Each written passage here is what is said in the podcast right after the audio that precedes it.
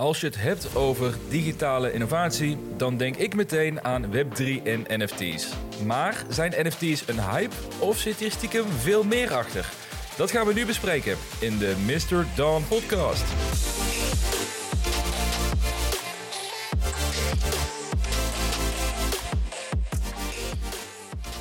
Als je het hebt over, uh, over innovatie, nieuwe technologieën, dan is Web3 absoluut een van de ontwikkelingen die meteen bij mij opkomen. En toen ik enkele maanden geleden een tweet plaatste over de hoge kosten om zelf een NFT te maken, kreeg ik opeens een reactie van Raza. Die zei: Geen zorgen, hier hebben we binnenkort een oplossing voor. Dus we raakten erover in gesprek en ik dacht: Ja, dit is zo'n interessant onderwerp. Dit moeten we bespreken in de podcast. Dus met die inleiding, welkom Raza in de Mr. Dan podcast. Ja, dankjewel Jasper. Blij om hier te zijn. ja, Ja, leuk dat je bent. We hebben al een, een, uur gepraat over alles wat met crypto en Web3 te maken heeft. Dus ik denk dat dit een hele interessante aflevering kan worden om het te begrijpen wat het is. Maar voordat we starten heb ik even drie snelle stellingen om aan je, aan je voor te leggen.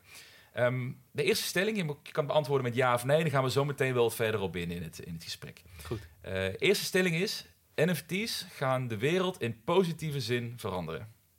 Ja. Tweede stelling is, Web3 is de toekomst, maar de hype loopt nu iets te ver op de werkelijkheid vooruit.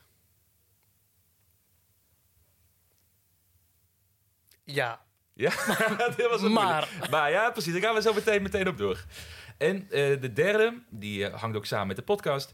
Uh, NFT's zijn momenteel geen logische investering. Nee, het oneens. Oneens, ja, ja. oneens. Ja. Nou, daar ga ik zo meteen met je over door. Maar ik denk dat mensen ook eerst willen weten... wie is Raza, waar kom je, wat, wat doe je, wat doe je bij Third Web, waar, je, waar je voor werkt.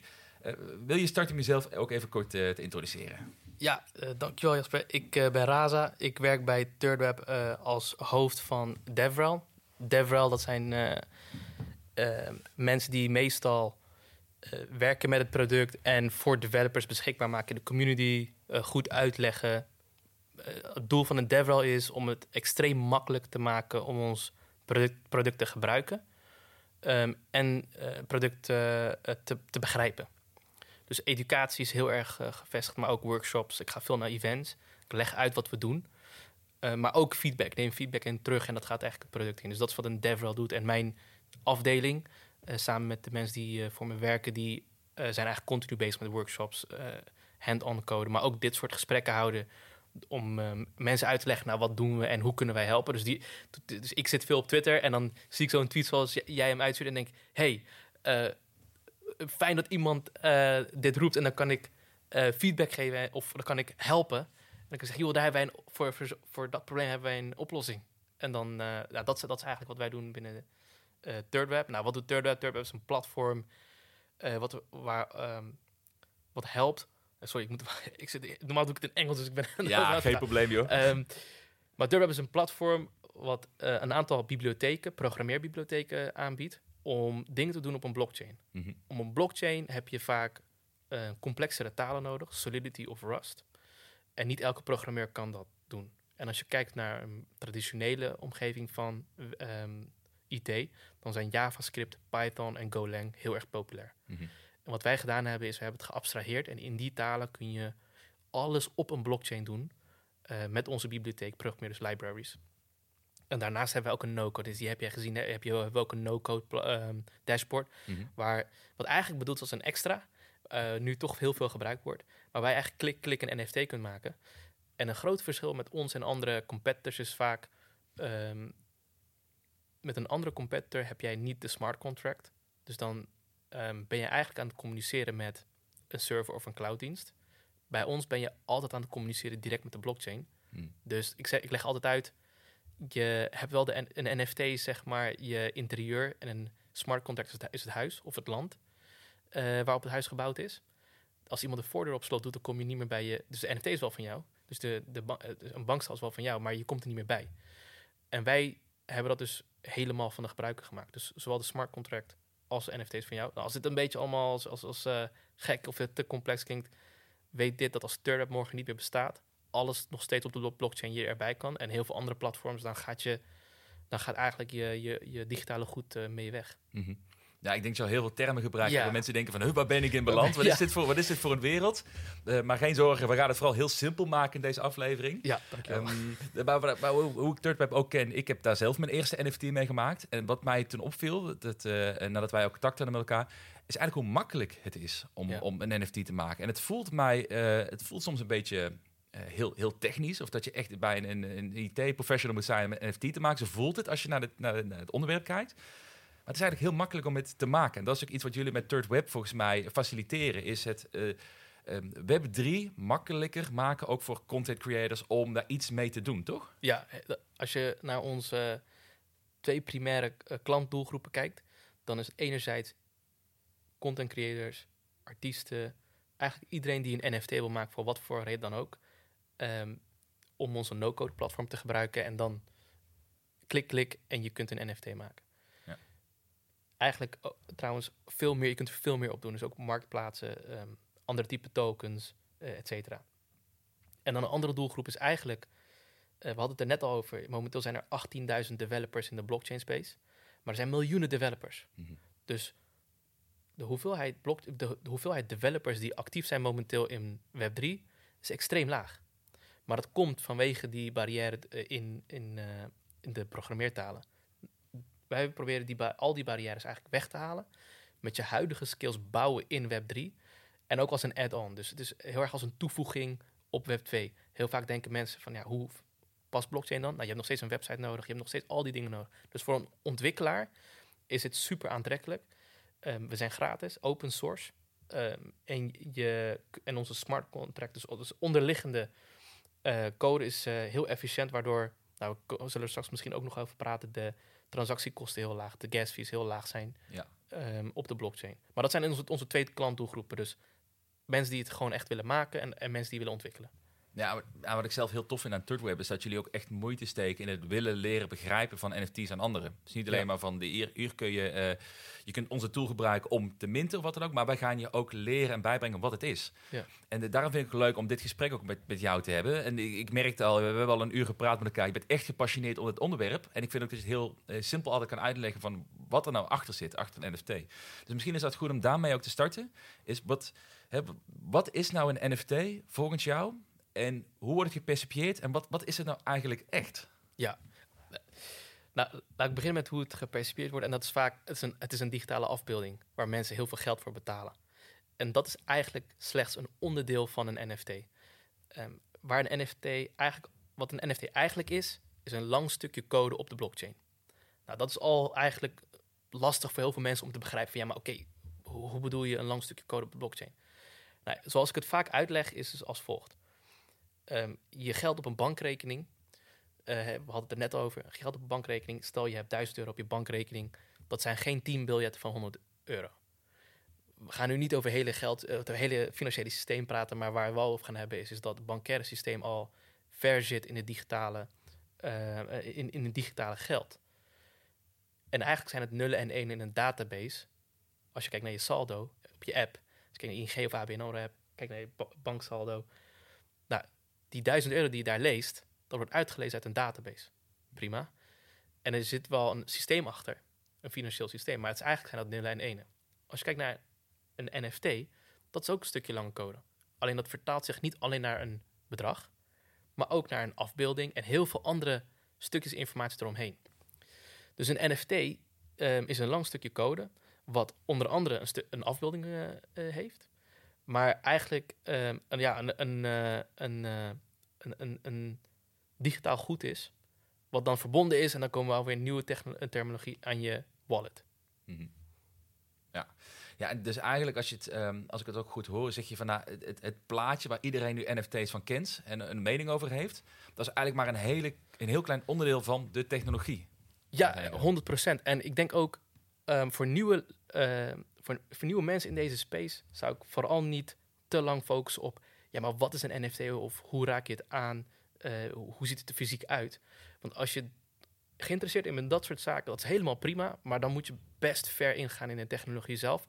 En het daagt je uit eh, over je huidige begrip eh, van, over geld. Mhm. Dat, en, dat is, en, en dat is goed. Eh, je moet altijd uh, verbreden van kennis is altijd goed. Maar ik denk dat de voornaamste vraag is: oké, maar wat kun je ermee doen? Of waarom is het zoveel waard? En dat zijn de meer, meer interessante vraagstukken. en die zijn ook wat makkelijker te begrijpen voor beginners. Dus wat je nu vooral ziet is, is dat een NFT, waarom is het zoveel waard? Een digitaal plaatje, iedereen betaalt er honderden duizend dollars voor. Dat is inderdaad, laten we zeggen, onderdeel van de hype wat er nu gaande is. Het is ook deels begrijpbaar, want even vanuit een puur functioneel een blockchain, nou, laten we even vanuit gaan dat dit waar is, een blockchain waarborgt dat, er maar, dat, dit de, eh, dat, dat uh, het plaatje wat je ziet origineel is. Alle andere plaatjes zijn niet origineel. Dat doet die blockchain met een hele speciale code, een hash. Die zorgt ervoor, jij kunt mij vertrouwen, uh, dit is de echte. Hmm. Um, dat is waarom mensen als collectibles voor willen betalen. Waarom blockchain, en hier hebben we het net over gehad, waarom blockchain echt super interessant is, is omdat zo'n uh, eh, NFT gebruikt kan worden voor verschillende doeleinden. En dat is veel interessanter vanuit een IT-perspectief. Uh, en nu wordt heel erg gefixeerd op, nou, een blockchain is, of sorry, een NFT is heel veel waard vanwege dat plaatje. Mm um, en dat is maar een heel klein stukje van waarom zo'n NFT waard, waardevol kan zijn. Um, ja, ik weet niet of we daar nu al... Uh... Nou, ik vind het wel een heel interessant onderwerp om op door te gaan. Omdat ik dus merk dat de, uh, de perceptie in mijn omgeving is best wel negatief als je het hebt over NFT's. Ik lees ook op, op Twitter heel veel uh, journalisten die nu echt aan het checken zijn van ja, dit is een scam, dat is een project wat gefaald is, dus blijf weg van NFT's. Uh, tegelijkertijd denk ik ook dat dat te kortzichtig is, maar wel ergens een kern van waarheid in is. Uh, maar daarom ben ik zo benieuwd naar wat, wat is nou hetgene wat, um, wat brengt NFT's om nou zo meteen? Je was net al heel duidelijk en de, de, stelling die jij meteen met ja kon beantwoorden van NFT's gaan de wereld positief verbeteren. Ja. Op welke gebieden gaat, gaat dat gebeuren, denk je? Ja, laat ik daar uh, beginnen praktische voorbeelden en dan uh, eindjes aan elkaar knopen. Ja. La, um, een NFT kan gebruikt worden voor authenticatie. Als je kijkt naar, en daarvoor moet ik eerst even uitleggen hoe een wallet in elkaar zit. Nou, een wallet is een portemonnee, een digitale portemonnee. Uh, en dat kent een, een adres. Dat ziet de blockchain. Dat heet ook wel een public key. Dat is meestal, voor degene die het wel eens gezien hebben, dat is eigenlijk gewoon een lang stukje code 0x000. Dat als je een bankrekeningnummer hebt, is dat eigenlijk een uh, openbare bankrekening, zeg maar. Mensen kunnen niet alles zien wat erin zit, maar daar kom ik zo op. Zo'n wallet herkent sleutels. Dus die sleutels zijn alleen bekend bij jou. Een private key ook wel heet. En die private key staat eigenlijk nergens opgeslagen. Alleen jij komt erbij. Je moet namelijk ook een aantal stappen doen om die openbaar te maken. Nou, waarom is het interessant? Een wallet kan namelijk uh, een NFT bezitten. En met zo'n NFT kun je dus heel makkelijk toegang krijgen tot een app. Nou, hoe werkt dat dan? Zo'n app die kijkt naar jouw wallet, die, die checkt de blockchain die zegt: Oh, de wallet van Raza. Even kijken of deze NFT in die wallet zit. Ja, deze NFT zit in die wallet. Jij krijgt toegang tot die website. En onthoud, dit kan omdat die NFT uniek is. En het gaat niet om die afbeelding, het gaat om die complexe, uh, lange code. Die dan opgeslagen wordt op de blockchain. Het is eigenlijk een soort paswoord. Het is een hele lange, complexe paswoord. Mhm. Die verschillende stukjes informatie heeft. Die heeft een stukje informatie over wie bezit uh, deze lange code. Die heeft een stukje informatie over hoe ziet deze NFT eruit. Dat is die afbeelding waar iedereen ziet. Die heeft. En, en ik, al, ik zal niet verder ingaan in alle, alle andere stukjes informatie, want die zijn heel technisch. Hm. Maar die heeft heel veel stukjes informatie. Um, onder andere ook bijvoorbeeld hoeveel. Nou, laat ik even makkelijk nemen. Hoeveel bitcoin is die waard? Dat, wordt, dat zijn allemaal stukjes informatie die opgeslagen worden. Maar met zo'n app kan dus zien. Raza heeft NFT X. Hallo, jij krijgt toegang. Dus een bedrijf die kan een NFT maken. Die kan die NFT's uitgeven aan wie ze dat ook willen. En als ze dan uh, die NFT hebben, krijgen ze toegang. Denk aan een softwaremaatschappij. Softwarelicenties. Daar, we komen uit een periode dat als je een licentiekey had, nou, dan moesten ze dat in een centrale database moesten ze bijhouden wie zo'n key heeft, dat die maar één keer gebruikt kan worden, et cetera. Met de blockchain is het eigenlijk een stuk simpeler. Je maakt namelijk eh, 10 NFT's. Je geeft die NFT's uit. En iedereen met die NFT heeft toegang tot die software. En nou denk je, ja, wat nou als iemand zo'n NFT lange code gewoon copy-paste? Dat kan niet. Want de app valideert of deze NFT hoort bij jouw wallet. En die combinatie, nou, ik zeg altijd, is vrijwel onbreekbaar totdat iemand hem leert te breken. Dat is IT. Hè, alles is onverwoestbaar totdat iemand hem een keer kapot maakt. Maar eh, rekening houden met nou, hoe lastig dat is, dat is vrijwel onmogelijk. En dan heb jij dus die combinatie met een NFT in jouw eh, wallet. Nou, een app kan dat heel makkelijk checken, want die informatie is namelijk publiek beschikbaar op de blockchain. Iedereen kan de blockchain uitlezen. Mhm. Ehm, en ik denk dat dat ook vaak als eng ervaren wordt. Men denkt dan, oh, maar wacht, als iedereen het kan lezen, dan kan iedereen zien wat ik heb. Eh, ja en nee. Eh, iedereen kan zien wat je hebt, maar er zijn dingen die je kunt afschermen.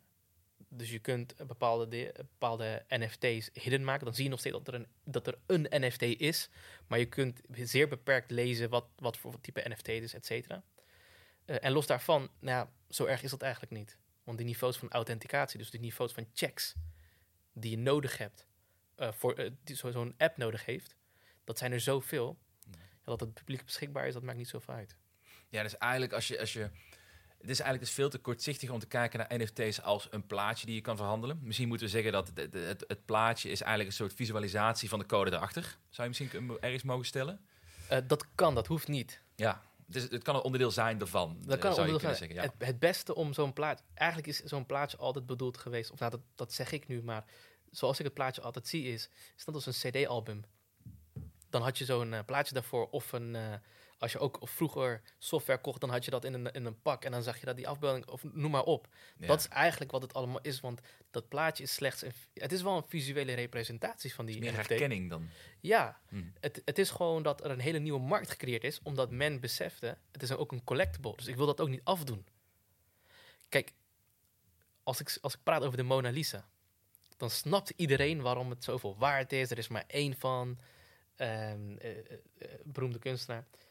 Alleen, voor mij, en ik hoop dat ik niemand beledig, maar het is gewoon een schilderij. En nou ja, goed, er is er maar één van en kunnen, dat kunnen we bewijzen. Maar maakt het uit hoe we dat kunnen bewijzen? Ik denk dat we daar nog, veel, nog heel erg emotioneel over doen. Ja, ik vind dat Mona Lisa voorbeeld een hele mooie. Ik heb die een paar keer gehoord. Maar ook om, dat zet ook al kracht bij, vind ik, wat de waarde is van zo'n NFT vanuit kunst, eh, kunstobject gezien ook. Hè. Dan krijg ik vaak de reactie, ja, maar zo'n eh, Mona Lisa, er zijn heel veel kopieën van gemaakt. Er zijn mensen die, die dragen het op een t-shirt. Dus wat is nou de waarde van het echte bezitten? En er werd het argument gemaakt, benieuwd of jij het ermee eens bent, van dat juist doordat jij die echte bezit en dat heel veel mensen het kunstwerk kennen en daar zelf gebruiken of een kopie van hebben, dat is juist validatie van het kunstwerk en dat maakt dit juist waardevol. Dus terugrekenen naar NFT, stel je voor dat, eh, dat jij een NFT hebt en je hebt mensen die gaan dat namaken van je, die willen ook dat uitdragen. Dat is eigenlijk validatie van je NFT en dat creëert ook weer een stukje waarde daarin. 100%. Ik ben er 100%, 100% mee eens. Ehm, en ik denk dat wat ik daar als enige aan zou willen toevoegen is, als je dan kijkt naar ehm, tussen aanhalingstekens de echte wereld, dan zeg je ja, maar de Mona Lisa is echt, ik kan het aanraken, ik heb het. En dat maakt steeds minder uit voor mensen. Ik denk dat dat, dat iets een nieuw begrip is, is dat digitaal iets bezitten is gewoon echt. En je kan het ook heel tastbaar maken, want je hebt namelijk, eh en het is ook al heel kort benoemd, maar je hebt eh, hardware eh, wallets. Dus je hebt gewoon een stukje dat lijkt op een USB-stick. Dus gewoon iets wat je kan kopen. En dat is, een, en dat is eh, een, een wallet. Die kun je pluggen in je computer. Daar kan er niemand anders bij behalve jij. En daar kun je dan een bitcoin bijvoorbeeld op opslaan. En dan, dat is de, dichter bij dan dat komt het niet in de digitale wereld. Maar dan, dat is dan wel je bewijs van nou, nu bezit je iets. Dat kan zelfs met een NFT. Die zit dan op zo'n, het lijkt op een USB-stickje. Nou, dat is dan voor jou. En die NFT ehm, is nergens anders dan op jouw USB-stick. Ehm, dus ik denk dat we er wel vrij dichtbij kunnen komen. Ik denk dat het argument valide is. Is van ja, dat is digitaal, maar dit is echt. Dat klopt. Alleen dat maakt mij niet uit. Ik denk dat dat voor heel veel mensen geldt. Nee, ik, ik vind dat wat je nu aan- aanstipt, vind ik een hele, hele mooie. Ik heb er ook een tijd geleden in een vorig interview met Quinten erover gehad. Over wat, ehm, hoe, zeg maar even, de, eh, onze generatie of de vorige generatie opgegroeid is. Is om iets waardevol of om, om iets waarde te hebben, moet het tastbaar zijn. Nou, dan vliegt hier een duif tegen de ruit aan tussendoor. Dus dat is ook een mooie afwisseling. Die is ook heel benieuwd naar hoe NFT's ontwikkelen, denk ik. Ja. En die moet ik even wachten tot de podcast uitkomt. Nee, maar ehm, ehm, de vorige generatie opgegroeid met het moet tastbaar zijn om waarde te hebben. En als het niet tastbaar is, bestaat het niet. Als ik nu kijk naar bijvoorbeeld kinderen, naar mijn nichtjes, die zitten in Roblox. En hoe, hoeveel waardevol het zij het vinden om een skin te hebben, om Roblox coins te kunnen hebben, om daar eh, eh, anders eruit te zien. Zij zien dat wel als waardevol, ook al is het niet tastbaar voor hen. Ik heb het gevoel dat dat eh, qua mindset een hele schifting met zich meebrengt. Dat we nu langzaam naar een wereld gaan waarbij digitale assets wel als waardevol worden geschat, terwijl het jarenlang niet zo is geweest. Is dat misschien ook de reden waarom NFT zo aanspreekt bij, bij die nieuwe doelgroep? Ah, ik kan hier uren over praten. Maar ik zal een heel kort voorbeeld geven. Eh, antwoord is ja. En dat kan ik vertellen uit persoonlijke ervaring. Eh, heel lang geleden speelde ik World of Warcraft. En World of Warcraft was, een- voor degene die dat niet, weet, is een populair online spel. Dan kan je poppetjes aanmaken, helden, en dan eh, eh, kun je vechten. Dan kun je, eh, eh, kan je level hoog worden. Maar het kende ook een economie. Dus je, kon, je had, een eigen valuta. Goud kon je net zoals elke andere spel. Nou, kon gou- goud verdienen. Ehm, en met goud kon je dan betere wapens kopen, bijvoorbeeld. Maar wat ook gebeurde is dat er bepaalde wapens kon je niet kopen. Die kon je alleen eh, verdienen in een spel. Dus als je dan een grote baas verslagen had, dan kreeg je een bepaalde wapen. En heel veel eh, poppetjes konden niet ehm, eh, aan, aan zo'n bijvoorbeeld zo'n zwaard komen, omdat ze niet sterk genoeg waren. Maar die wouden zo'n zwaard wel hebben. Dus wat er, wat er gebeurde in World of Warcraft, is dat mensen dus zo'n eh, grote baas gingen verslaan. Wat heel, heel lastig was. Die kregen dan die zwaard en die verkochten die zwaard op eBay. En hoe werkte dat dan? Nou, eh, eh, die kwam zowel in het spel op zo'n marktplaats te koop. Maar dat was dan eigenlijk eh, op, een, op een bizar hoge waarde. En dan stond er dan een beschrijving bij van ja, die kan deze eigenlijk alleen kopen op eBay. En, dat- en dat was ook oké, het spel stond er toe. Dus je kon ook chatten, dan kwam je in contact met iemand, dan ging je eBay. Ook heel veel scams trouwens geweest. Ja, ja. Maar ehm, toch gek, maar dit is exact wat we nu doen met NFT's. Je betaalt gewoon heel veel geld. En heel veel geld zijn om, omloop geweest. Ik heb dat zelf nooit gedaan, maar wel gezien op, op, op eBay. Iemand gewoon duizenden dollars kon betalen voor een zwaard in een spel. Maar wat bezit hij nou eigenlijk? En dat, is eigenlijk dat is nog veel minder dan een NFT. ja. Ehm, maar eh, maar om, een punt te maken, en dat is dat eh, het kopen van digitale goederen, dat is, dat is eigenlijk eh, niet zo gek, is ons niet zo vreemd. En ik kan nog verder gaan over muziek en films. Nou, films, dat vind ik nog iets anders, maar het kopen van muziek, ehm, natuurlijk is het een ervaring. Je, je, je koopt eh, een, een, een MP3, ehm, of tegenwoordig doen we dat allemaal via Spotify of een andere streamingplatform. Maar eh, als je digitale eh, muziekbestanden kocht, ja, wat koop je dan eigenlijk? En dan zul je misschien denken, ja, maar ik kan er naar luisteren en daardoor voel ik me goed. Maar iemand kijkt naar een NFT en voelt zich goed. En die weet gewoon dat er een bepaalde technologie achter zit die, die haar of hem garandeert dat dit echt is. Maar dat vind ik dus, wat je nu ook benoemt, dat vind ik een heel mooi onderscheid waar ik het ook een beetje over wil, wil hebben. Ehm, je kunt NFT's op, verschillende ehm, nou, werelden, zou ik bijna noemen, kun je het gebruiken. Dus je, hebt, je zei zelf al, kunst is denk ik een heel mooi onderdeel van, van een NFT, of waar het voor ingezet kan worden. Ehm, maar dan doe je het echt voor de content, voor het, het- visual audio wat je, wat je hebt. Het voorbeeld wat je net benoemde, World of Warcraft, daar zit er ook een stukje utility aan vast. Want je hebt het zwaard in de game, je kunt ermee rondlopen, je krijgt eh, eh, eh, nou, eh, reputatie daardoor in het spel natuurlijk. Ja. Ehm, en vooral die, dat stukje utility, daar ben ik zelf heel benieuwd naar. Omdat ik denk, eh, ook op, doorgaand op de stelling, van ja, als je de wereld echt wil veranderen, dan moet het ook iets bieden, zeg maar, wat de wereld gaat veranderen. Ja. Hoe, hoe, hoe, hoe zie jij dat? Hoe zie je de rol van utility ten opzichte van die stelling die we net hadden van ja, dit maakt de wereld beter? Eh, ik zal een heel praktisch voorbeeld geven. En eigenlijk ook een voorbeeld wat nu ook al leeft. Dat is ook praktisch, maar dat zal misschien wat verder liggen voor mensen. Ik zal daarmee beginnen. Ehm, je ziet nu bijvoorbeeld de Board Ape Community. Laat ik een, eh, een hele... Een, een, Hele bekende. een hele bekende Ja. pakken. Men wordt gezegd, ja, maar dat slaat nergens op.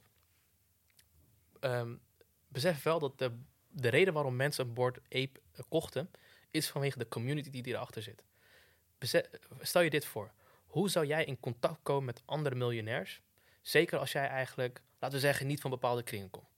Eh, up and coming, je hebt eh, een goed idee of je werkt heel hard en je hebt je gewerkt tot een status. Nou, ik, ben bijvoorbeeld niet heel bekend en stel, eh, eh, straks ben ik miljonair nou, en dan zou ik in een bepaald community willen komen. Dat kan natuurlijk door je netwerk, maar hoe kom je met iemand zoals Kanye West bijvoorbeeld in contact? NFT's maken dat mogelijk.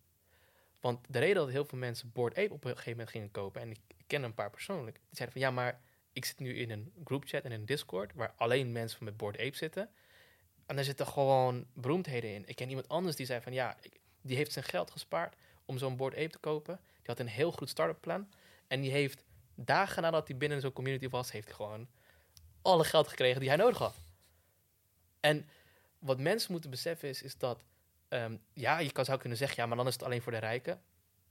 Ja, daar, daar kun, je, kun je over in discussie. Ik zou hem eigenlijk willen omdraaien. Waar je ziet dat bepaalde communities, zoals de Bilderberggroep of andere eh, groepen van nou, voor origine gecreëerd zijn om invloedrijke mensen eh, bij elkaar te brengen, is het een andere manier om invloedrijke mensen bij elkaar te brengen. En eigenlijk, ehm, en eigenlijk kun je je manier ernaartoe verdienen. Mhm. Dus dit is al hoe een NFT met een community en utility komt. Want je utility hier is eigenlijk dat je toegang hebt tot bepaalde omgevingen waar je eigenlijk, communities waar je eigenlijk geen toegang tot hebt als je die NFT niet hebt. En hoe kom je aan die NFT? Nou ja, eigenlijk is de weg heel simpel. Je moet hem kopen. maar je krijgt, men denkt van, ja, wat krijg ik ervoor terug? Men, heel veel mensen, ik denk dat heel veel mensen niet beseffen dat je bijvoorbeeld in één keer in een kamer komt waar al, allemaal invloedrijke mensen aan tafel zitten. Ja, ik vraag me af, als, je, als jij die deal zou voorstellen nu, hè, als iemand zegt, je- ik, je mag morgen mag je, eh, mag je een uur in de tafel gaan zitten met Kanye West, met eh, Bill Gates, noem, noem, noem even een paar Ja. bekende mensen op. Hoeveel zou dat je waard zijn? En zou het dan gek zijn om te kijken naar zo'n waarde van zo'n eh Board 8 Club NFT? Exact. En dat is zo gek nog niet. Want een van de mensen die ik volg op social media, Alex, moeilijke achternaam, maar hij heeft 100 miljoen dollar verdiend over een tijdspan van 6, 7 jaar. En die heeft een keer eh, een andere beroemde eh, zakenman 200.000 dollar betaald voor een dag van zijn tijd. En hij werd heel erg om bekritiseerd. Ik zeg, nee hoor, ik kreeg het gewoon terug. Oh, dus die die vastgoed doet, die Ja. super transparant is. Juist. Ja, leuk. Ja, ah, ja. En die, en die vertelt gewoon terug. Nee hoor, dit is gewoon wat zijn tijd waard. Dus ik heb hem gewoon betaald. Hij zegt, ja, ik zou ook wel willen dat het minder was. Maar dit vond ik fair naar hem. Dus inderdaad, hoeveel zou het je waard zijn om een tijd te hebben met deze mensen? Nou, dat is even een voorbeeld van utility en community waar ik, Mhm. waarvan ik denk dat heel veel mensen niet beseffen wat er achter die board ape zit. Overigens, ehm, en even quote, dit mag je eruit knippen als dat... eh ik tenen krommend gekeken naar op één Mhm. naar hoe NFT's uitgelegd werden.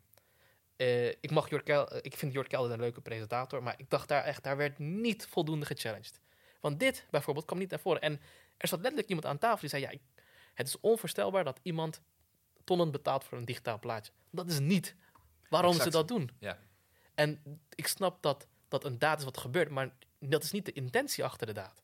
En die is heel belangrijk. Waarom doe je iets? En nou goed, dat is dus utility en community wat heel erg belangrijk is. Want dit is één voorbeeld, maar Azuki, wat nu heel erg eh, razend populair wordt, is hetzelfde. Dus ook een NFT-project is dat. ja, dat is Ja. ook een, een, een NFT-project waar je ziet dat invloedrijk mensen op afstappen. En ja, dat is gewoon in één keer heel erg eh, hoog in, prij- in waarde gestegen. gestegen. Overigens, een, een, een comment wat heel erg belangrijk is. Men vraagt zich af waarom NFT, sommige NFT-projecten zo hard in waarde stijgen. Hmm. Daar hadden we het net ook over. Dat komt vanwege een netwerk wat er natuurlijk achter zit. Wat voor type mensen kopen het? CryptoPunk bijvoorbeeld, daar wordt nog harder over nou, ge- gebashed, om het zo te zeggen. Die, die waarde stegen enorm. Maar ja, je komt in een netwerk waar je Jay-Z zit, Afrojack zit, eh, nu Jimmy Fallon, eh, oh nee, Jimmy Fallon zit in Board 8, maar Mhm. eh, dus zo gek is het nog niet. Want jij, wat iemand mij misschien ziet is, oh, Jay-Z koopt het, dus de prijs gaat omhoog. Ja, Jay-Z koopt het, prijs gaat omhoog, maar jij hebt toegang tot Jay-Z. En het heeft met het netwerkeffect te maken. Hoe meer bekende mensen natuurlijk in zo'n groep komen, des te meer de waarde van de totale groep stijgt. Dat is eigenlijk de kern. Exact. Ja. Dus, ehm, en dan nog een praktisch voorbeeld waar we het net ook over hadden. In de medische wereld zie je dat eh, data delen enorm belangrijk is, maar enorm lastig. Dat heeft natuurlijk met privacy te maken, maar het heeft ook gewoon simpelweg mee te maken dat eh, verschillende systemen niet met elkaar praten. Dat hebben we ook in de, eh, bij de overheid zien we dat ook. Verschillende systemen praten niet met elkaar. En data delen, ik kom uit de data engineering wereld, super lastig. Blockchain lost niet alles op, maar een groot gedeelte van data delen wel. Als het centraal is, encrypted is en op een bepaalde manier beveiligd, dan heb jij als eigenaar van die data, kun jij kiezen om data te delen. Je bent niet meer afhankelijk van een derde partij. Wat er nu gebeurd is, eh, mijn kinderen zijn in Sofia kinderziekenhuis geboren, heel formulier eh, wat ik moest eh, invullen, om gewoon heel simpel te zeggen, ja, ik wil dat ze data delen. Nou, ik dacht dat het gebeurd was. Ik kwam Haga ziekenhuis, nee, ja, dat is niet zo makkelijk, want u moet toestemming verlenen en daarna moeten we het ook echt doen. En dat gaat eigenlijk, ehm, dat wouden ze me niet zo vertellen, maar ik weet het bijna zeker, dat gaat nog gewoon via de e-mail. En anders wel via de post, en, en dan moet het nog handmatig opgevoerd worden. Want die systemen praten niet met elkaar, dat weet ik wel zeker. Systemen praten niet met elkaar. Er komen nu wel steeds betere landelijke voorstellen, maar zijn we nog zeker niet. Kan blockchain dat helpen? Ja, een specifieke dedicated blockchain technologie voor, voor medische informatie, maar kan ook een public blockchain gebruikt worden. Die eh, lost dat op. Want stel, even heel, heel simpel en geabstraheerd. Mijn data is op de blockchain eh, en die van mijn kinderen ook. Ze zijn geboren, kinderen Sofia ziekenhuis. Eh, ik heb een app die, die leest blockchain data. En ik zeg op een gegeven moment gewoon ja, Haga ziekenhuis mag het zien.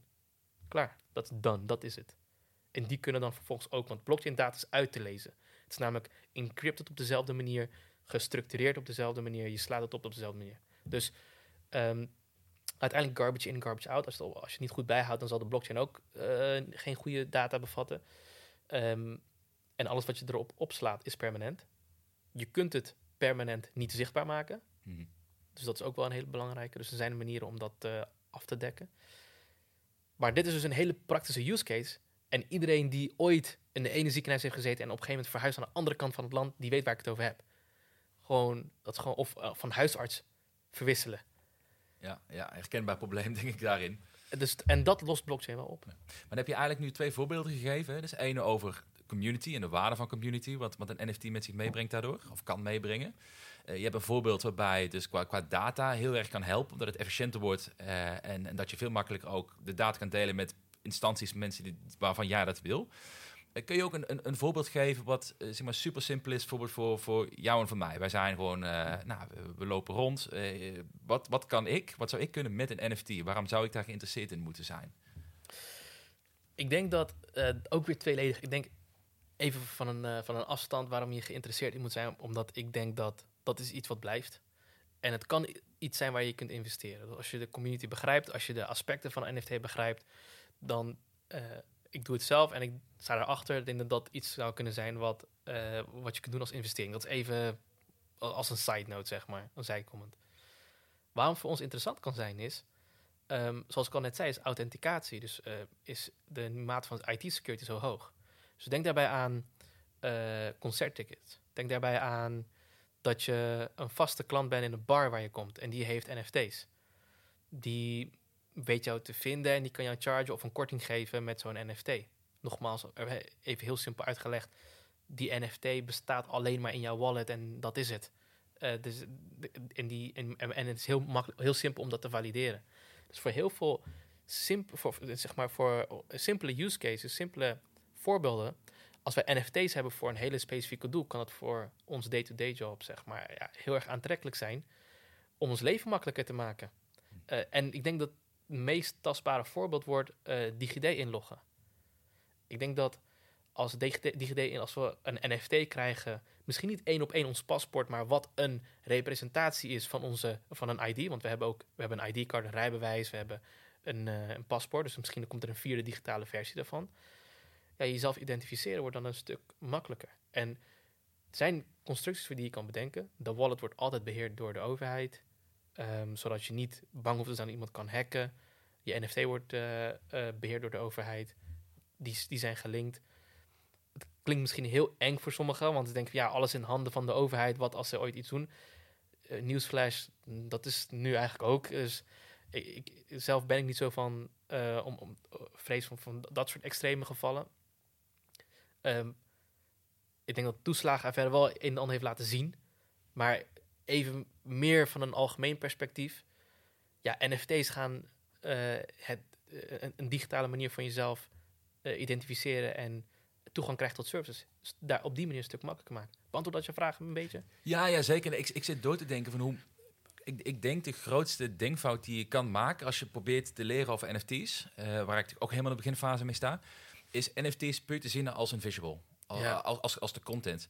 Terwijl um, ook in het gesprek nu met jou, volgens mij, hoe ik het steeds meer begin te zien, is dat een NFT is eigenlijk een soort nou, een, een, bewijsvoering, een token, een paswoord, noem het even, in jouw persoonlijk account, waar jij dingen mee kan verifiëren. Ja. Dus wat jij net zegt, bijvoorbeeld als ik naar mijn favoriete kroeg ga, uh, ik, ik kan een pasje krijgen van, die ik iedere keer moet laten zien. Maar ik kan, ook één keer, ik kan het ook gewoon automatisch bijgewerkt krijgen in mijn wallet. Waar ook een hele story te zien is wat ik al bij de kroeg heb gedaan. En ze kunnen mij zo, zoiets gunnen. Het, het, het is een, um, een hele simpele stap, is het eigenlijk, van wat we nu al mee gewend zijn. Ja. Uh, Er, ik, ik, er is een eh, voorbeeld, ik weet niet of dat in New York is, maar ik weet zeker in Amerika, want ik ken iemand die die NFT heeft. Er is een pizzeria die NFT's gemaakt heeft. En iedereen die die NFT bezit, die krijgt eh, pff, twee, sorry, twee pizza's per week, zoiets gratis. En dat is een hele praktische voorbeeld. van Ja. al- hoeveel is die NFT je waard als dat je favoriete pizzeria is?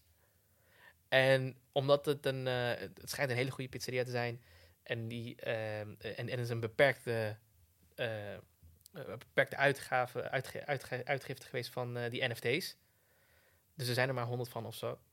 Maar die kunnen ook verruild worden. Dus een NFT, jij kan die NFT aan mij verkopen. En het is geprogrammeerd in die NFT en in, op de blockchain. Nou, met smart contracts gaan we niet over hebben. Maar het is geprogrammeerd op de blockchain. Dat jij als eh, originele eigenaar van die NFT krijgt altijd een stukje van die transactie. Dus op die manier ehm, ben je erbij gebaat. Dus het, is, het, het kent het commercieel goed. Normaal, als, als, ik, eh, voor jou, als, als ik een pizz- pizzeria heb, verkoop aan jou voor 100 euro zo'n eh, een pasje. Ja, dan wil ik die pasje natuurlijk wel terug hebben. Ik wil niet dat jij die pasje door gaat verkopen. Maar nu ben ik erbij gebaat, want als jij die, dat zo'n pasje doorverkoopt, dan krijg ik een gedeelte van die transactie. En, die, en dat bepaal je zelf, dat moet je van tevoren programmeren. Meestal is dat rond de 10%. Maar ik blijf voor altijd 10% van die, eh, van die transacties eh, krijg ik altijd over de blockchain. En de blockchain die zorgt ervoor. Dus als je daar echt dieper in wil duiken, ik kan wel, ik kan je wel vertellen, ja, een, een blockchain zorgt daar echt voor. Dus het, die, die technologie die, die, die verzekert, hè, tussen aanhalingstekens, dat de originele eigenaar het krijgt. Er zijn manieren om er om er heen te gaan, laat ik er heel duidelijk over zijn.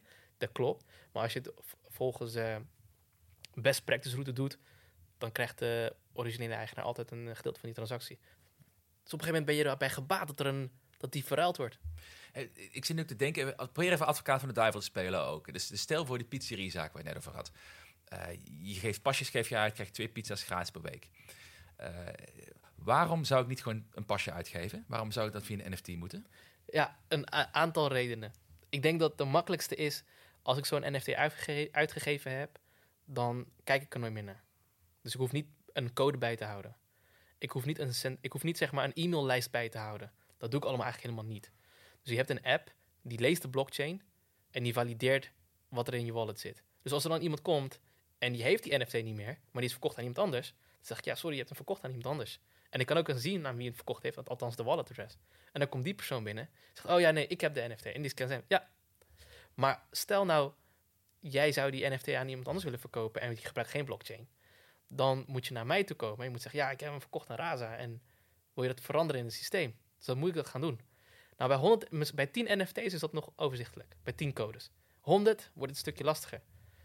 Je moet je voorstellen, het gaat echt wel een keer komen als jij, als jij heel beroemd bent of je hebt verschillende vestigingen. Denk aan een hele beroemde restaurant eh, franchise. Hoe gaan zij dat doen voor tienduizenden? En er komt ook wel weer een app voor en daar kan je ook wel weer iets voor bedenken. Maar er zal altijd overhead zitten. Dus we hadden het er nou over automatisering. Je kunt ervoor gaan kiezen om dat allemaal te laten managen. eh, en zelf voor, eh, een systeem voor te bedenken en te ontwerpen. Of je kunt het door de blockchain laten doen. Ja, dus het gaat dus vooral ook heel tijdsefficiënt. Ja. En een stukje zekerheid dat je administratie klopt. Dat zijn twee dingen die je dan voor bedrijven mee moet nemen. Ja. Ook daarin. eh. En ik denk dat wat nu heel erg onderschat wordt, en dat zei je net ook, is dat het ziet eruit als een plaatje, maar de complexiteit achter een NFT is, is, is zo hoog dat als je weet hoe lastig het is om zoiets te breken, te hacken, te koop, je kan het niet kopiëren plakken. Dat zou theoretisch wel kunnen in die andere, om, eh, andere eh, scenario, waar je zelf de administ- administratie bij houdt. Ja, die credentials zijn veel makkelijker te copy-pasten. Nog steeds niet eh, makkelijk hoor. Maar met een NFT is dat echt een stuk lastiger. Dus ik denk dat, en ik snap het, men ziet het plaatje. Dat is wat ze herkennen, tastbaar in een NFT eh, zien. Maar de encryptie en de complexiteit achter een NFT-token en hoe het gebruikt kan worden, het valideren dat er echt maar één is. Ja, men gaat er steeds meer achter komen dat, wauw, die technologie is echt zo ver en dat kun je nu echt doen eh, online. Ja, het is, dan kom ik nogmaals terug op het punt van, ja, als je het gaat zien als een plaatje, dan doe je jezelf eigenlijk tekort. Dan Ja. maak je de technologie doe je ermee tekort. En zie je het als een sleutel, gaat vanuit die kant benaderen. Dan kun je zien waar de potentie ligt in deze technologie, denk ik, Terine. Ja. Maar dan gaan we even terug naar een stelling die we, die we net hadden. Ja. Ehm, ik vroeg namelijk van, ja, NFT's is de toekomst. Maar loopt de hype nu niet op de werkelijkheid vooruit?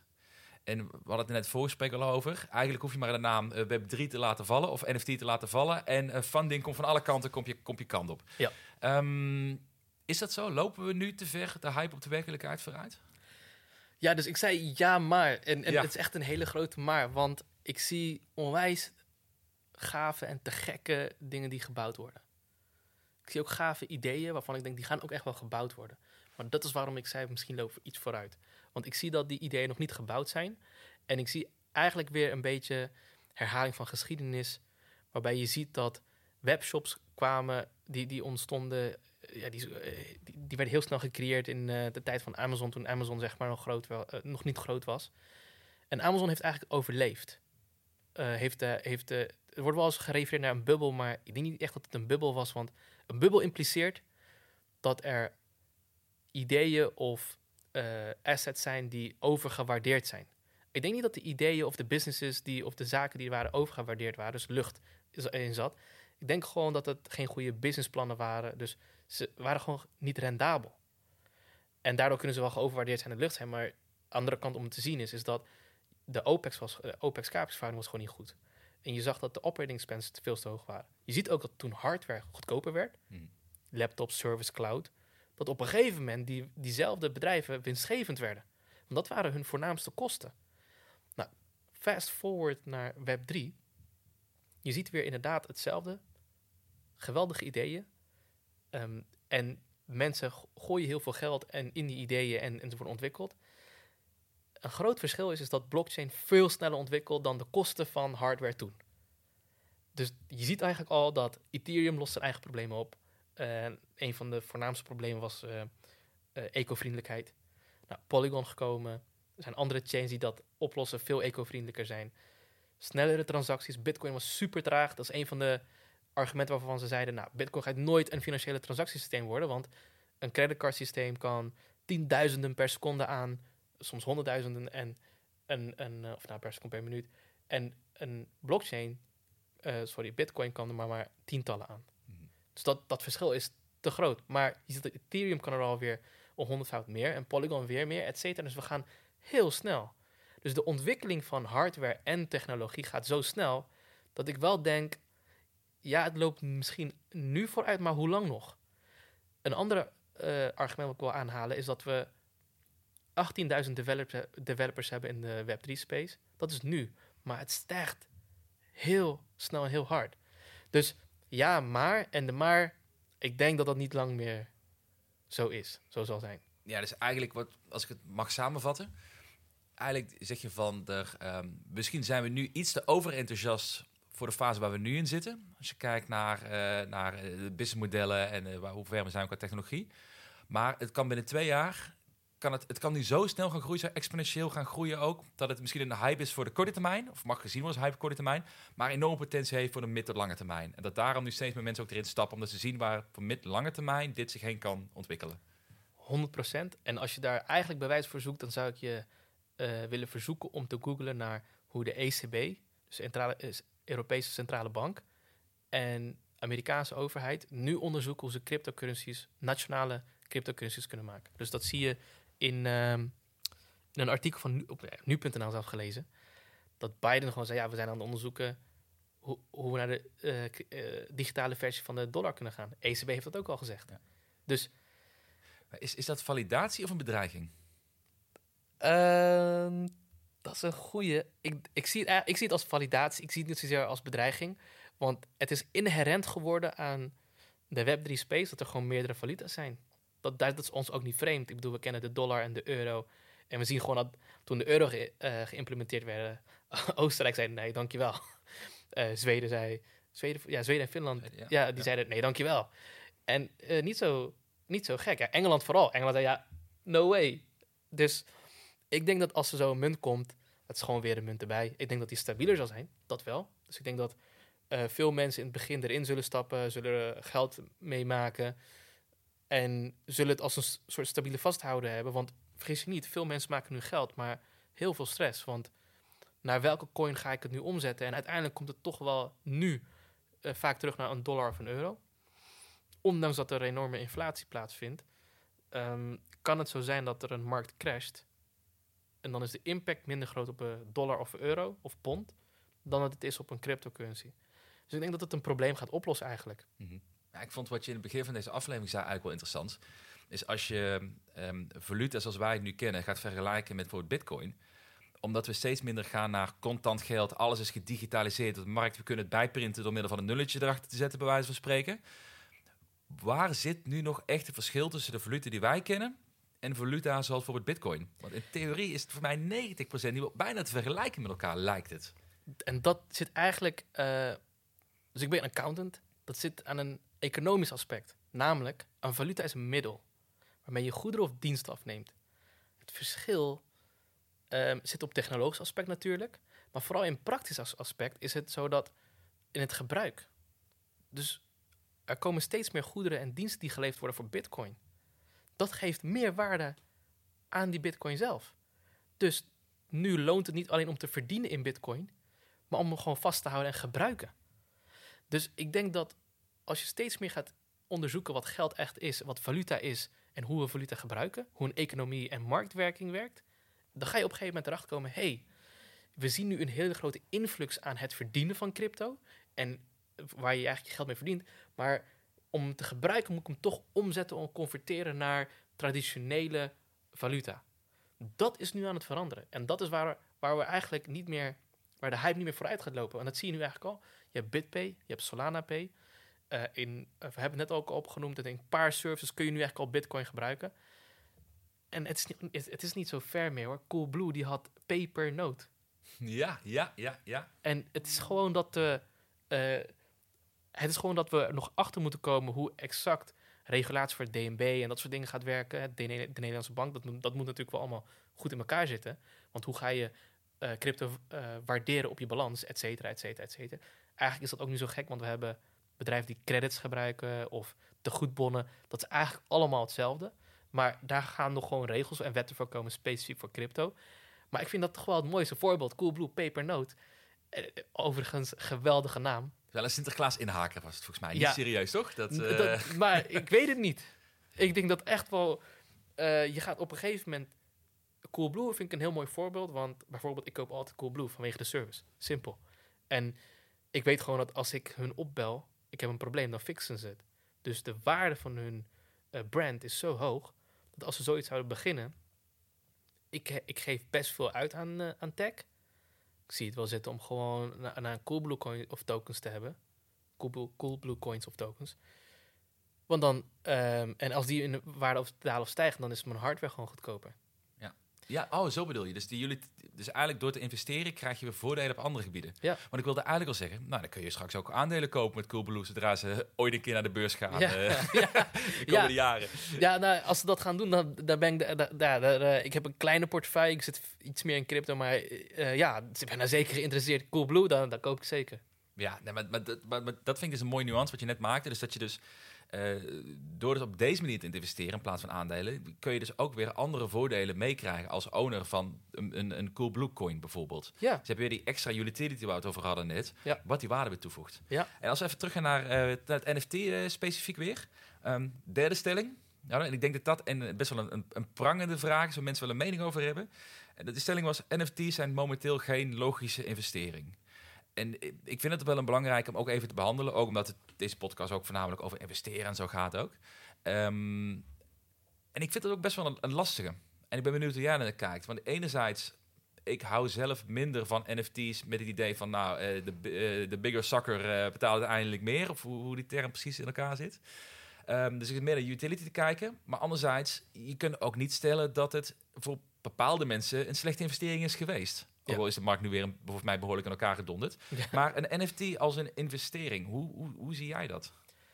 Uh, neem het met de korrels uit, maar de, er is een, er is een saying in, uh, in, in NFT-space. 99% van alle NFT-projecten gaan falen, maar die 1% gaat betalen voor je verlies van, alle, van de investering die 99%. Beetje zoals angel investing.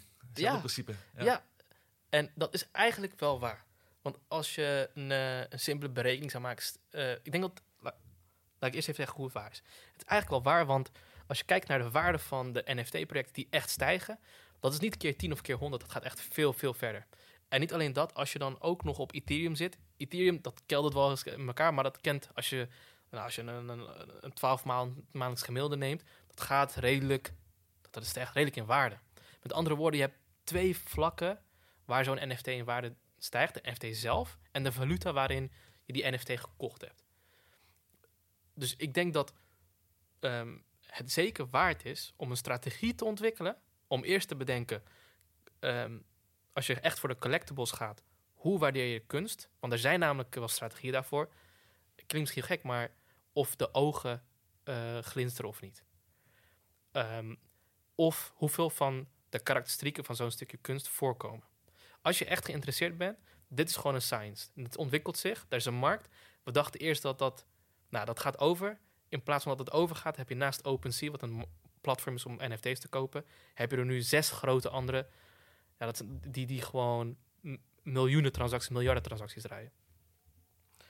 De, het volgende waar ik over, waar ik, wat ik zou, het is geen financieel advies, maar waar, waar je zou, zou kunnen kijken is, zorg ervoor dat het op een populaire blockchain is. Dus Ethereum en dan daarna zou ik denken Polygon. Dus als dat, als, als dat je strategie is. Als laatste, ik denk dat dit een grote fout is wat mensen maken. Die gaan al in op één project. Hm. Of een paar projecten. En je moet echt goed uh, diversificeren. Dat is eigenlijk net als je portfolio. Dus je kan, het is niet verstandig om in één markt te zitten, in één regio. Dat is eigenlijk wel heel gevaarlijk. Want als je alleen in de Chinese markt zit en het gaat nu een lockdown, dan, heb je, dan leidt heel je portefeuille. Ja, je breekt me de bek niet open. Ik heb maar acht aandelen, dus ik weet uh, het mail en tech. Dus, uh... Ik haal heel snel op. Maar NFT geldt hetzelfde. Je moet goed kijken naar regio. Je moet goed kijken naar artiesten. Een hele goede vriend van mij gaat beginnen aan een anime-project, NFT-project. ik ga daar sowieso in zitten. Waarom? Je moet ook de mensen kennen. Um, dat is sowieso om scams te voorkomen. Dus je ziet vaak als ze niet hun gezicht delen. Dat is bijvoorbeeld een red flag. Mhm.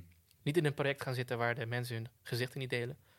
Ehm, maar je ziet nu heel erg veel, dat ga je misschien interessant vinden. Je ziet heel veel KYC, dus Know Your Client hm. uh, um, bedrijven. En die, ken, die, die audits en die stamps zijn er ook. Dus er zijn, er, er zijn manieren om ze te valideren. Ik denk niet dat je er blind op kunt vertrouwen. Enerzijds omdat je misschien een ander groot project mist wat niet het geld heeft om die audits te doen. Dus dat is wel één ding. Maar over het algemeen is de strategie diversificeren, um, breed naar kijken. Eh, wel gewoon, misschien begrijp jij het niet of waardeer jij het niet, maar begrip tonen voor, de, eh, voor het systeem wat werkt. Namelijk wat ik net zei, hoe je de art, hoe je de, hoe je de kunst waarde, uh, zeg maar, onderscheidt van elkaar. Want dat is wel een bewezen strategie. Maar ik kan me wel voorstellen, als je een NFT-project echt wil kunnen beoordelen, dat is bijna een kunst op zich. Dan moet je denk ik zo goed weten wat er speelt, waar je moet letten, waar niet. Zou het dan niet voor de, nou, een, een, iemand die dit ziet als een investering of een manier om erin te komen op die, op die wijze, zou het dan niet logisch zijn om te gaan voor de picks and shovels, zoals ze noemen op de beurs? In dit geval dus de Polygon, de Ethereum, om daarin te investeren als een soort zijstap voor investeren in NFT's? De periode en fase waar we zitten in Web3 is het sowieso verstandig om aan de picks and shovels te kijken. Mhm. Dat is ook wat Web doet. We zijn picks and shovels, een platform die om te gebruiken om iets te doen in Web3. Dus 100%. Maar als je het hebt specifiek over NFT's, dus als je de keuze al gemaakt hebt van um, ga, ik ga in NFT's investeren, dan zou ik zeggen, het is, niet, het is niet per se alleen een kunst op zich. Het blijft altijd een kunst. Het blijft altijd een beetje tricky. Dat is ook met aandelen zo. Wanneer heb je voldoende informatie om te handelen? Mhm. Ja, dat is, dat is als, je, als je die vraag afstelt of als je wacht op zo'n moment. Ik ben bang dat je, persoonlijk denk ik, dat je dan nooit gaat uh, handelen. Er is een minimum. Dus dat, dat is ook wat ik adviseer. Kijk, je kan een schaduwportefeuille bijhouden. En dat, dat is een uh, bewezen techniek in, in uh, handelen in aandelen, waarbij je zegt: Oké, dat geeft jezelf voldoende comfort om te zeggen op een gegeven moment: hey, op papier heb ik al deze projecten bijgehouden, hier zou ik in geïnvesteerd in hebben. En aan het einde van de dag of na drie maanden maak je je balans op. Oh, positief. Maar als je dan dat dan ook op basis van logische redenen gedaan hebt, geeft dat het vertrouwen om dan nu te beginnen om te investeren. Heb je dat gedaan op gevoel, kun je nog steeds zeggen van, ook ga ik het doen of niet, maar dat geeft dan een andere maat van vertrouwen. Dus dit is mijn. Ik, vertel gewoon hoe ik ermee omgegaan ben. Is, is dat ik. Ik kom zelf uit de um, bankaire verzekeringswereld. Um, ik heb heel lang eigenlijk schaduwportefeuilles bijgehouden en aandelen. Op een gegeven moment een stap gemaakt omdat ik dacht van ja, ik, kan, ik ben een accountant, ik kan balans lezen, ik snap simpele dingen zoals debt to asset eh, ratio en ehm, cashflow, weet je wel, hoe je daarnaar kijkt. Dat je, dat, dat, weet je, iemand, een bedrijf kan minder winst maken, hoge cashflow. Nou, dat is bijvoorbeeld iets waarvan ik denk, daar ga ik in investeren. Ja, exact. Ehm, maar, eh, en hetzelfde met NFT's eigenlijk nu. En het is eigenlijk hetzelfde met cryp- cryptovaluta. Dus als ik naar cryptovaluta kijk, een nieuwe coin of een nieuwe token, dan kijk ik gewoon naar, hé, hey, maar wat voor mechanisme zit erachter? Laten de mensen hun gezicht zien. Wat is het verdienmodel? Ik bedoel, uiteindelijk, als het geld wat binnenkomt heel weinig is, maar je he- hebt hele grote return on investment, ja, dan mo- moet bij jou een bel afgaan en klopt iets niet. Dus, eh, en dat kan nog steeds waardevol zijn om te investeren. Dat klinkt misschien heel gek. Als de outflow-mechanisme maar streng genoeg is. Dus het loont niet om op korte termijn eruit te gaan. Maar het loont op lange termijn uit te gaan. Dus, en dan moet je nog steeds, dan moet je nog steeds voorzichtig zijn dat het geen Ponzi-scheme is. Ehm, dus er moet echt wel een doel zitten achter zo'n project. Ehm, maar dat, zijn, dat, dat is mijn advies. Dus even samenvattend. Als je kijkt naar NFT's, ja, het is waardevol om, in te- om erin te investeren. Dat is niet wat ik vind. Dat is gewoon even statistisch gezien. Kijk naar de 1%. Ja. Ja, 99% eh, gaan falen of is een scam.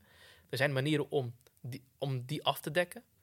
Ehm, en het is meer een persoonlijke keuze die je maakt van ja, ga ik er dan voor me investeren.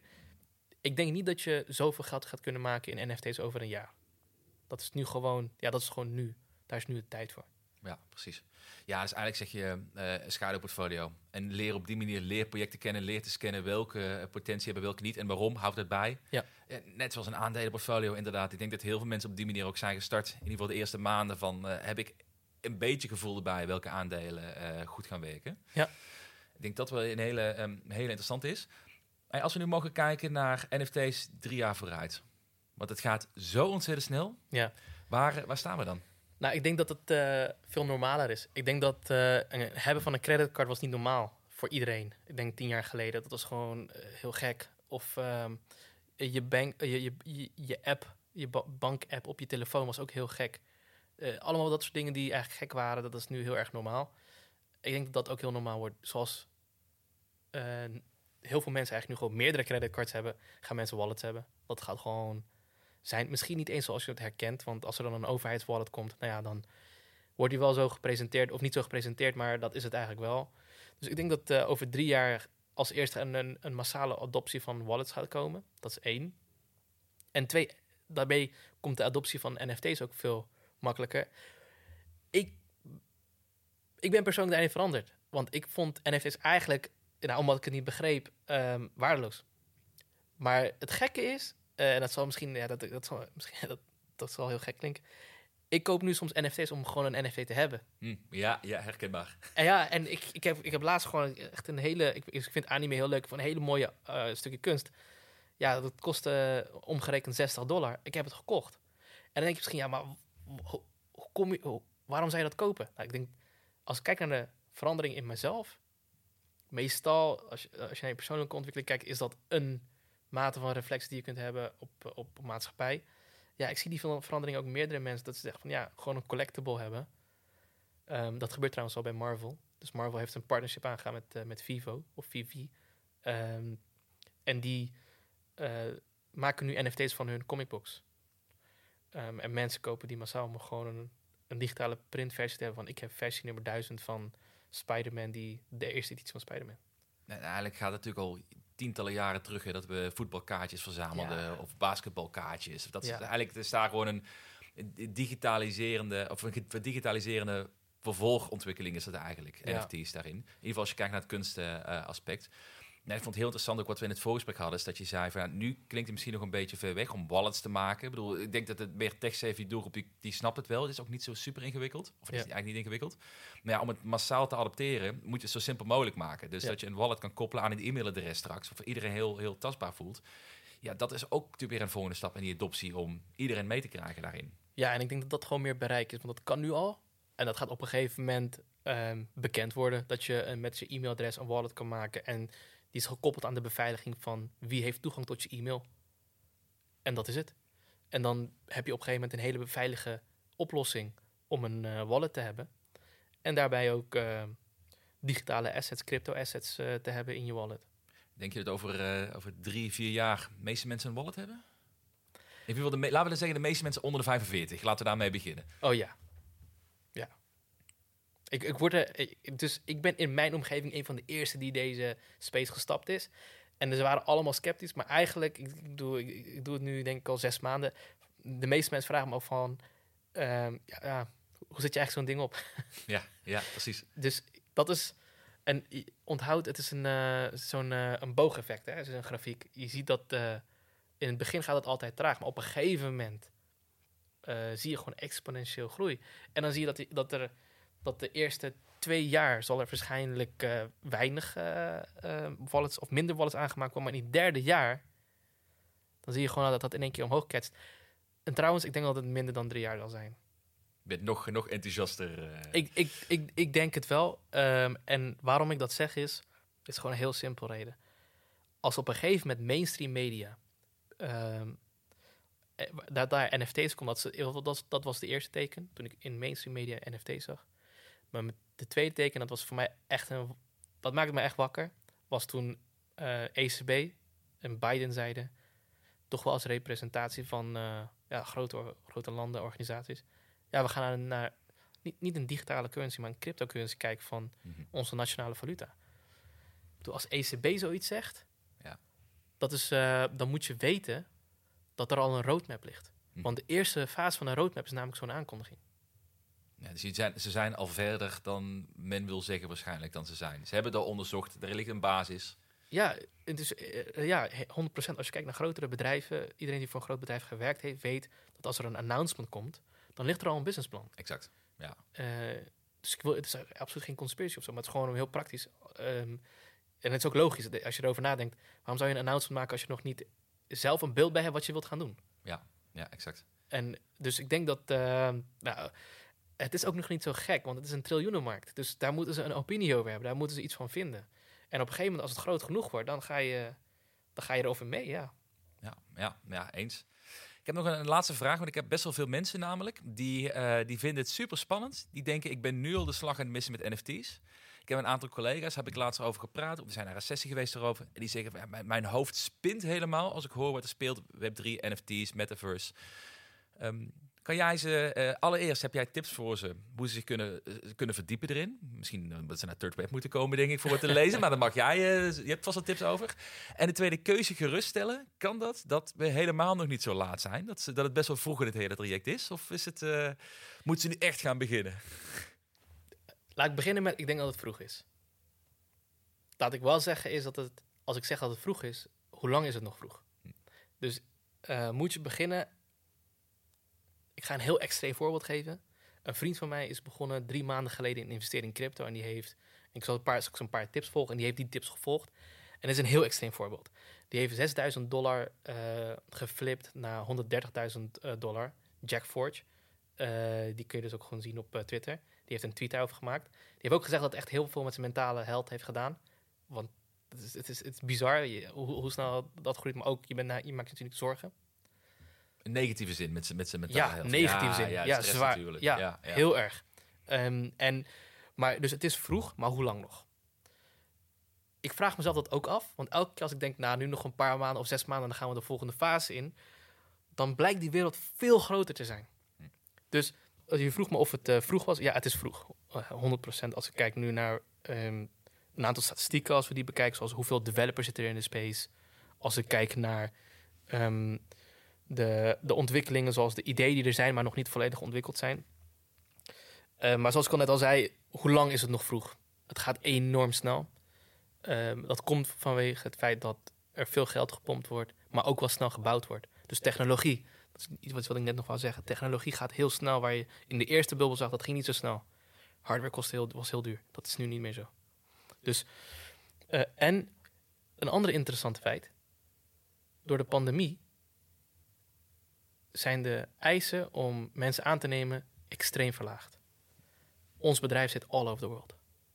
En ik heb eh een bedrijf in Amerika had ik nog nooit gezien. Ik heb die mensen nog nooit in het echt gezien. Alleen online gesproken. En ik heb mijn hele, hele goede, stabiele baan achtergelaten voor een start-up. Voor mensen die ik nog nooit gezien heb. Ja, hoe weet je of je betaald wordt? Eerste maand, maar op een of andere manier door alle afstand die we hebben gehad in de afgelopen ja- jaren door de pandemie is dat vertuigd. Maar dit is een hele grote accelerator geworden. Ik praat met iedereen op Twitter. Ik denk dat zo'n twintig van mijn close, close eh, vrienden op Twitter... die hebben allemaal een baan voor bedrijven gehad... waarvan ze het bedrijf zelf nog nooit gezien hebben. Dus dit is een hele grote accelerator in de workforce. Dus ik denk dat het vroeg is, maar ik denk dat het super snel gaat zijn.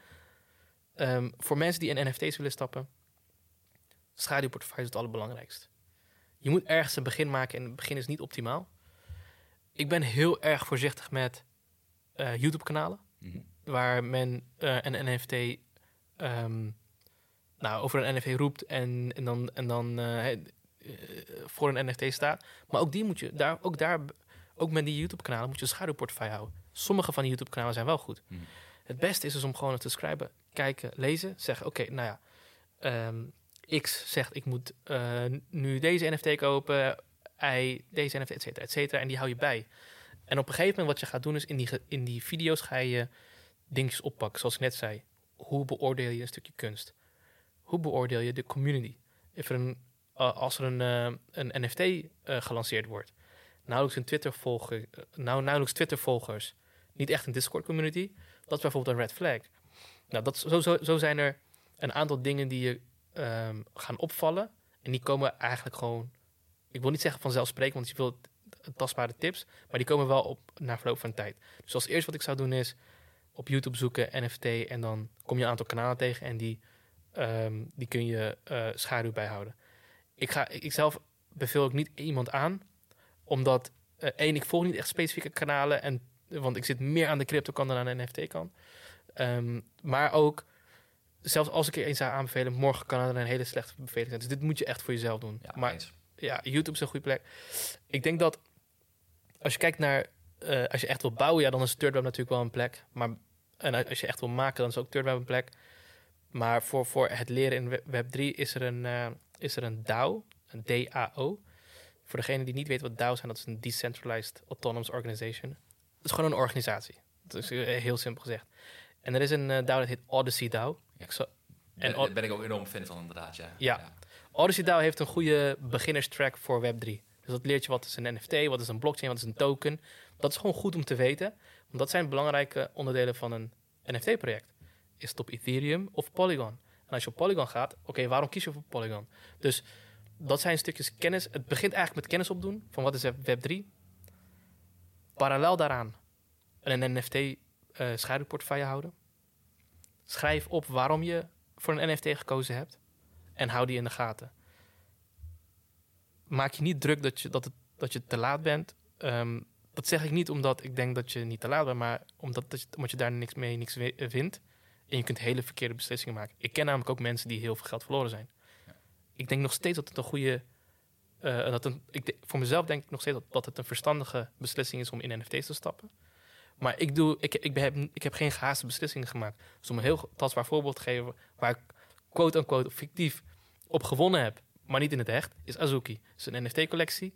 Ik zag die voor 0,01 uh, ETH, wat bijvoorbeeld ongeveer uh, nu 30 dollar of zo, 40 dollar.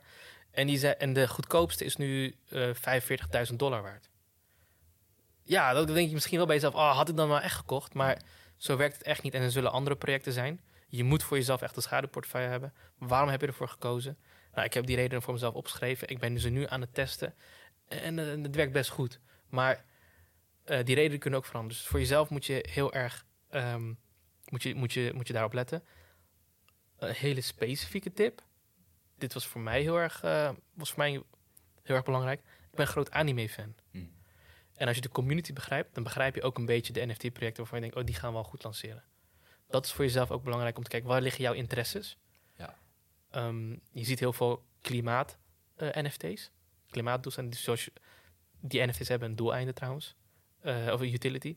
Dus dan uh, draag je ook een steentje bij. Dus je investeert eigenlijk aan een, uh, aan een initiatief. Maar als je zo'n NFT houdt, het is een collectible, stijgt in waarde. Maar ook, uh, je krijgt toegang tot bepaalde events waar ze dan updates geven over wat ze gedaan hebben. Of ze planten bomen voor je. Nou, dat, het is, dus kijk naar waar je interesses liggen en zoek naar dat soort NFT's en je gaat ze echt vinden. Nou ja, en ik denk wat je, wat je net ook zei, heel veel daarvan kan ook overeen hoe je doet beleggen in aandelen. Dus be, check inderdaad, wat weet je, wat niet. Besef ook dat je ook flink geld hiermee kunt verliezen. Ja. Want eh, dan moet, je zei al, 99 van de projecten die, die falen waarschijnlijk. Ja. Dus we pas daar, pas daar dan mee, mee op. Maar ik denk ook dat het vooral heel erg leuk en leerzaam kan zijn om op deze manier erin te stappen. Om gewoon projecten te leren herkennen. Eh, zeker met wat je zei, dat het nog, het is nog steeds vroeg. Maar ja, hoe, lang blijft het vroeg? Ja. Maar nu kun je wel jezelf een, ehm, een voorsprong geven of een edge krijgen door je nu wel al te gaan verdiepen in een technologie die misschien over drie jaar eh, massaal geadopteerd kan worden, waar we heel veel mee gaan doen. Ja. En ik zou inderdaad, je, je noemde- het net al, eh, Odyssey, heel mooi platform. Ik zou het ook mensen aanraden. Ik stuur het ook vaak naar mijn collega's die ook iets willen weten van NFT's en helemaal niks weten. Volgens mij Nee. hebben ze ook een nieuwsbrief waar je iedere dag krijg je een mailtje met wat is Bitcoin, wat is, wat is Ethereum, dat soort dingen. Ja. Ja, check uh, turfweb.com. Als, Ja. je, als je je eerste NFT wil minten, het is eh, makkelijker dan je denkt. Ik heb, ik heb het zelf kunnen fixen in een, in een halve dag. Voor een, eh, volgens mij kost het me niet eens een dollar om het, te, om het te verminten. Dus ik was heel blij dat je, de belofte wat je eerst zei van ik kan het goedkoper, dan die was helemaal ingevuld. Mooi. Nee, maar ik vind het heel tof. Ja, nogmaals, Raza, dankjewel. Ze kunnen je volgen, geloof ik, op Raza Python of Python, moet ik eigenlijk zeggen, op Twitter. Ja, als je Raza Codes, dus eh, C-O-D-E-S, dus Raza Codes eh zoekt op Twitter, dan, dan vind je mij gelijk. Ehm, inderdaad, op Twitter en op, eh, nou, TikTok is ook aangemaakt, maar Twitter eh, kun je... Ja, ik dans niet. Eh, ik praat. Maar je kunt me vinden op Twitter en ik ben... nou, Jasper weet het, ik, ik reageer niet heel snel, maar ik, ik krijg aardig wat DM's. Maar ik kom meestal wel terug op je, op je DM. En dan als je vragen hebt, ja, ik help graag. Ja, en één ding weet ik wel. Als ze jou gaan volgen, dan eh, binnen een maand gaan ze starten met met de Python-code. Ja. Dat, dat, daar ben je groot voorstander van. Ja, zeker. Ja, Raza, super bedankt man voor je in- interview, voor, de, voor het gesprek. En eh, nou, we, we gaan, hopelijk hebben we een paar mensen blij gemaakt en kennis gegeven over het hele NFT-domein. Dus Ja. nogmaals, dankjewel ervoor. Dank voor de invite.